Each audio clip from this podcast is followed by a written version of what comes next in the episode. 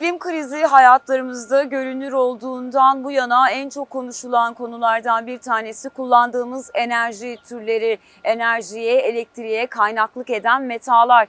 Paris İklim Anlaşması görüşmelerinde enerji kaynaklarının karbon salım değerlerine göre kategorizasyonunda kömür baş şüphelilerden biriydi. Karbon salınımı açısından fazlaca yüklü bir değere sahip olan kömür, devletlerin, şirketlerin iklimle olan mücadelesinde ayrı değerlendirilmesi gereken bir enerji kalemi. Peki devletler, şirketler, uluslararası örgütler kömür politikası konusunda ne yapıyorlar? Eşitsiz denklemin bu bölümünde dünyanın kömürle imtihanına bakıyoruz.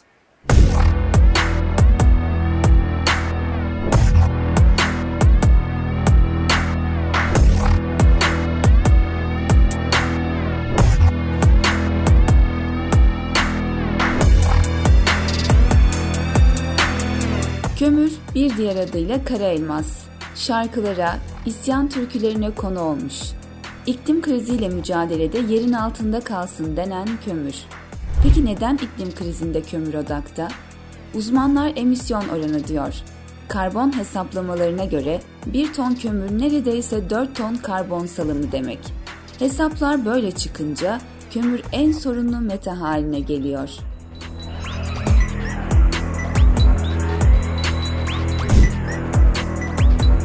Ancak yerin altındaki bu elmas iştahları kabartıyor. Uluslararası Enerji Ajansı'na göre dünyada kanıtlanmış kömür rezervi 1 trilyon ton. Üretilen yıllık kömür miktarı 7.9 milyar ton. Kömürü gün ışığıyla buluşturanlarda lider %46.6 ile Çin.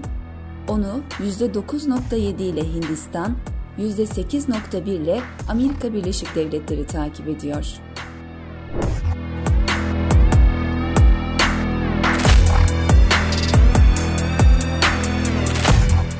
Peki üretilen kömürü tüketen kim? Üretim gibi tüketimde de %51.7 ile lider Çin. Hindistan ve ABD ise yakın takipçiler. Uzmanlar kömüre dikkat dese de veriler başka şey söylüyor.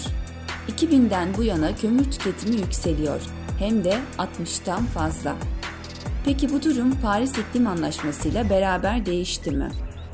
Ya Paris'ten bugüne baktığımızda e, o günden beri aslında kömüre ilişkin e, önemli gelişmeler oldu.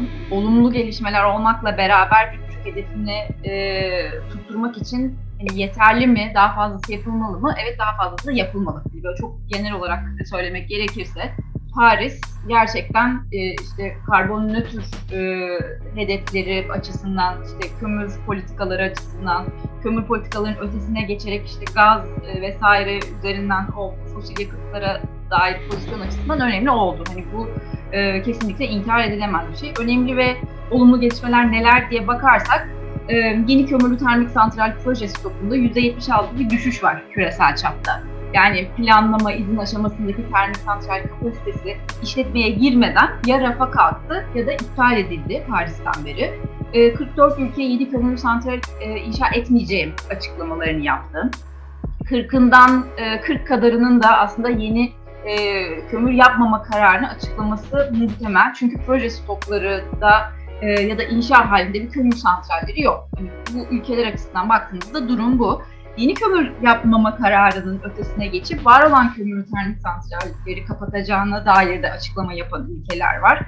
Ee, işte özellikle Avrupa Birliği'nde Avrupa Yeşil Mutabakatı'nın ilanından sonra e, Avrupa'da Avrupa Birliği'de bir karbon, karbonsuzlaşma politikasına e, giriş görüyoruz açık bir şekilde. Buna göre 18 ülke var olan karbon e, var olan kömürlü termik santral e, kapatma planı ya da kapatma tarihi e, açıkladı. Ya bu süreçte tabii sadece kapatma kararı açıklamakla kalmayıp bu süreçte kömüre dayalı yerel ekonomilerinin ya da kömüre dayalı istihdamının mağdur olmaması için bir adil geçiş mekanizması da tasarladı Avrupa Birliği. Buna paralel olarak yani bunun bununla beraber çok yakın zamanda geçtiğimiz hafta bir yeni bir inisiyatif duyuruldu. Yeni Kömür Yok Sözleşmesi ve inisiyatifi. Bu kapsamda e, gelişmiş ve gelişmekte olan ülkeler bir araya geldi. Bu açıdan da e, değişik bir e, aslında e, gelişme ve yeni kömürlü termik santral kurmayacaklarına dair açıklamada e, bulundular. Bu da yeni bir ittifak aslında ve kömür üzerinden bir araya gelmiş bir ittifak. Tabii bu gelişmeleri e, İngiltere'de yapılacak iklim zirvesinin COP26'nın başkanı olan e, Alok Sharma'nın bu yılki zirvenin e, kömürün tarihe gömüldüğü zirve olması gerekiyor. Bunun için çalışacağız e, da paralel aslında bu açıklamaya paralel olarak da görmek lazım. Yani artık sadece iklim değil, kömür de diplomasının bir konusu haline geliyor. Paris Anlaşması ile olumlu gelişmelere kapı aralanmış görünüyor. Ancak kömür cephesinde gerçekten resim bu kadar parlak mı? Yani hala kömürle ilgili işlere, kömürle ilgili çalışan şirketlere, kömürle ilgili hizmetler veren şirketlere e, ciddi anlamda bir finans akıyor. E, yani yapılan çalışmalar, hesaplamalar var.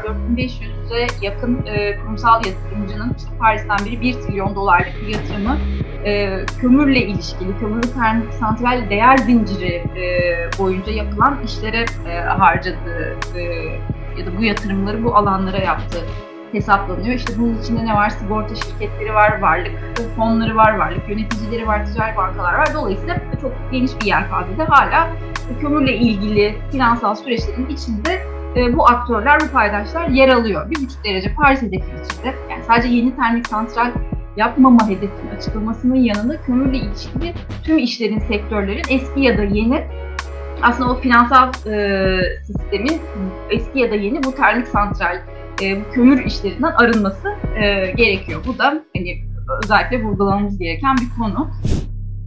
Paris İklim Anlaşması küresel bir çabayı amaçlıyor.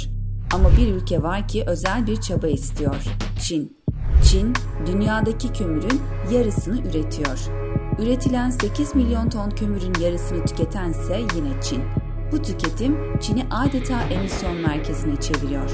Bu durumda Çin ne yapacak? Geçen hafta işte e, Türkiye'nin Paris'e taraf olma açıklamasının yanında e, Birleşmiş Milletler Genel Kurulu'nda Çin, Çin Devlet Başkanı'nın da bir açıklaması oldu ve Çin dışında kömürlü termik santral inşa etmeyeceklerini açıkladı. Çok önemli çünkü Çin e, hem e, tüm dünyadaki kömürlü termik santral e, işletilen santrallerin yarısına sahip proje stokundaki e, termik santrallerin yarısından fazlası Çin'de. Dolayısıyla e, yani kömür ve Çin yan yana geldiğinde hani önemli üzerinde çalışılması konuşulması gereken bir mesele haline geliyor. E, işte G7 ülkelerinin kömürden çıkış açıklamalarıyla beraber yani e, e, yurt dışında kömür finanse etmeyeceğiz açıklamalarının yanında Çin e, hani hatırı sayılır tek ülke gibi bir şey kalmıştı aslında e, yurt dışında kömür finanse edici, eden, etmeye devam eden. Dolayısıyla bu açıklamayla e, yani 20 ülkede 44 kadar e, kömürlü termik santral projesinin de etkileneceği e, öngörülüyor.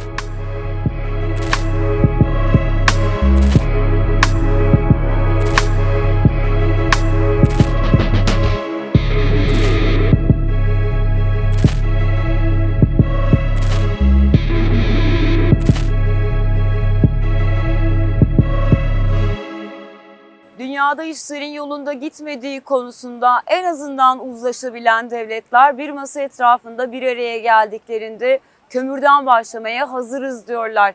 Ancak veriler ve istatistikler gösteriyor ki durum pek öyle değil. Üstelik Türkiye'de bu ülkelerden bir tanesi. Türkiye'de en çok konuşulan kömürün yerli bir kaynak olduğu ve ucuz olduğu. Gerçekten kömür Türkiye halkı için, iklim için, dünya için ucuz bir kaynak mı? Eşitsiz denklemin bir sonraki bölümünde Türkiye'nin kömür politikasına yakından bakacağız. Bizi izlediğiniz ve dinlediğiniz için teşekkür ederiz. Hoşçakalın.